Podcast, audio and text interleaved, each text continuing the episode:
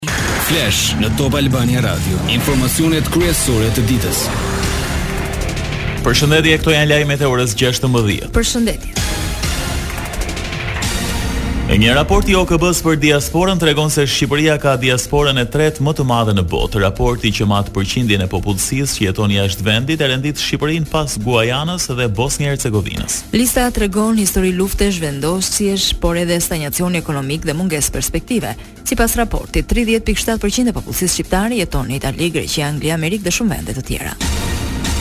Emigrimi në masë i shqiptarëve në Britani ka tërhequr vëmendjen e mediave të huaja, sidomos pas zhurmës që bëri në parlamentin britanik ministrja Suella Braverman. AFP ishte në Has, vendin e njohur si Londra e vogël, ku intervistoi banorë. Kështu varfëri, varfëria është kulm pavarësisht se emigrantët kanë sponsorizu, kanë ndërtu vila, po siç themi vilat e Hasit bosh. Shqiptarët nuk janë kriminela, por shkojnë për një jetë më më të sigurt atje, por për jetë më të mirë se këtu. Këtu është papunësia çik më shumë se atje, edhe atje është nuk është shumë e lehtë sa që mendojnë do që po ikin. Në përgjithësi hasjanët banë kanë punuar në mënyrë të mrekullueshme, që kanë mbajt familjet e tyre, janë mbi tetëdhjetë për qind e familjeve hasjane sot për sot që mbahen nga remitancat. Në Mbretëri të Bashkuar.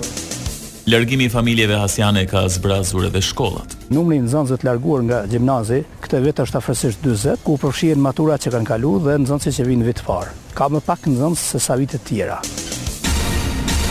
Policia e Shtetit publikoi planin e masave për mbarëvajtjen e samitit BE Ballkani Perëndimor në Tiranë më 6 dhjetor. Kreu i Departamentit të Rendit dhe Sigurisë Publike Rebani Jaupi tha se do bllokohet Unaza e Madhe dhe rrugët përreth Air Albania Stadium. Po ashtu do të bllokohet bulevardi Bajram Curri nga kryqëzimi i rrugës së Elbasanit te rruga Ibrahim Rugova dhe sheshi Nënë Tereza. Sipas Jaupit brenda perimetrit të sigurisë lejohen vetëm qytetarët që kanë banesat.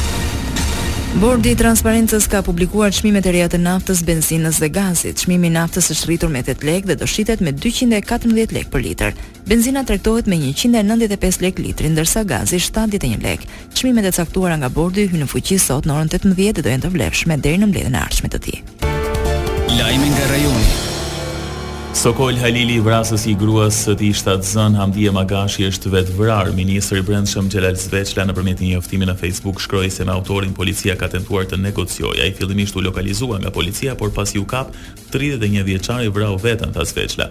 Më herët, motra e tridhjetë e pesë vjeçares tregoi tmerrin e përjetuar nga viktima gjatë bashkëjetesës.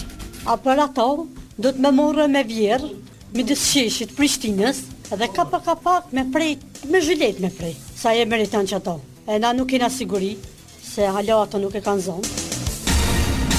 Policia e Kosovës arrestoi një serb për përfshirje në krime kundër popullsisë civile. Përmes një komunikate për media, policia tha se ekzistojnë informacione se i dyshuari ka qenë pjesëmarrës në masakrën e Dubravës në maj 99. Në luftën e zhvilluar në Kosovë më 1998, 99 janë vrarë mbi 13000 civilë dhe mijëra të tjerë janë zhdukur. Aktualisht mbi 1600 persona janë ende të pagjetur. Lajme nga bota.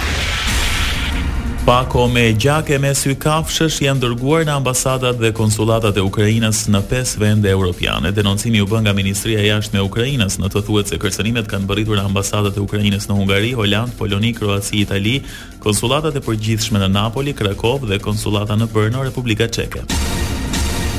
Dora amerikane e paqes refuzohet nga Rusia. Kremlini ka reaguar ndaj ofertës së presidentit të Shteteve të Bashkuara Joe Biden për një takim me homologun Vladimir Putin, duke njoftuar se kushtet janë të papranueshme. Megjithatë, Rusia u shpreh e hapur për të rinisur bisedimet e paqes me Ukrainën. Vladimir Putin ka rënë nga shkallët në rezidencën e tij zyrtare në Moskë, ndërsa ende nuk është rikuperuar nga kanceri. Kjo sipas një kanali në Telegram, shkruan Daily Mail. Gjenerali SVR ka postuar përditësime në lidhje me shëndetin e Putinit që nga fillimi i luftës, megjithatë nuk ka ofruar asnjë provë për të mbështetur pretendimet e tij. Sipas tij, ngjarja ndodhi para truprojave të cilët reaguan shpejt, dhe i erdhën menjëherë në ndihmë presidentit Putin.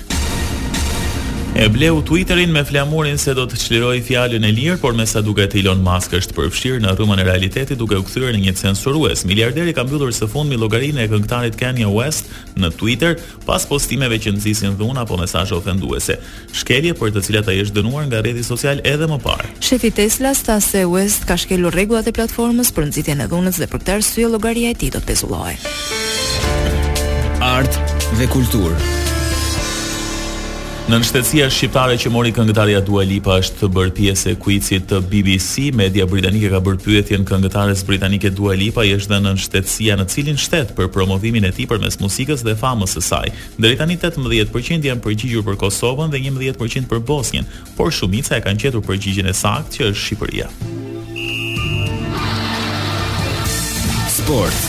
Sot do të zhvillohen ndeshjet e fundit të fazës së grupeve të kampionatit botëror Katar 2022, ku do mësojmë katër kombëtaret që do sigurojnë kualifikimin më tej nga grupi H dhe G. Në këto çaste kanë filluar dy sfidat e para, Uruguaji kërkon me çdo kusht fitoren kundër Ganës, ndërsa Portugalia synon triumf ndaj Koresë së Jugut. Por kryendeshja e sotme ajo mes Serbisë e Zvicrës që luhet në orën njëzet, po në njëzet, Kamerun, Brazil. Parashikimi i motit. Në të gjithë vendin vijon ndikimi i alternimeve të kthjellimeve me vranësira të shpeshta, më të dukshme në zonat jugore, herë pas herë vranësirat pësojnë zhvillim duke krijuar mundësi për reshje në ekstremin jugor. Temperaturat variojnë në vlera ditore nga një në shtatëmbëdhjetë gradë Celsius.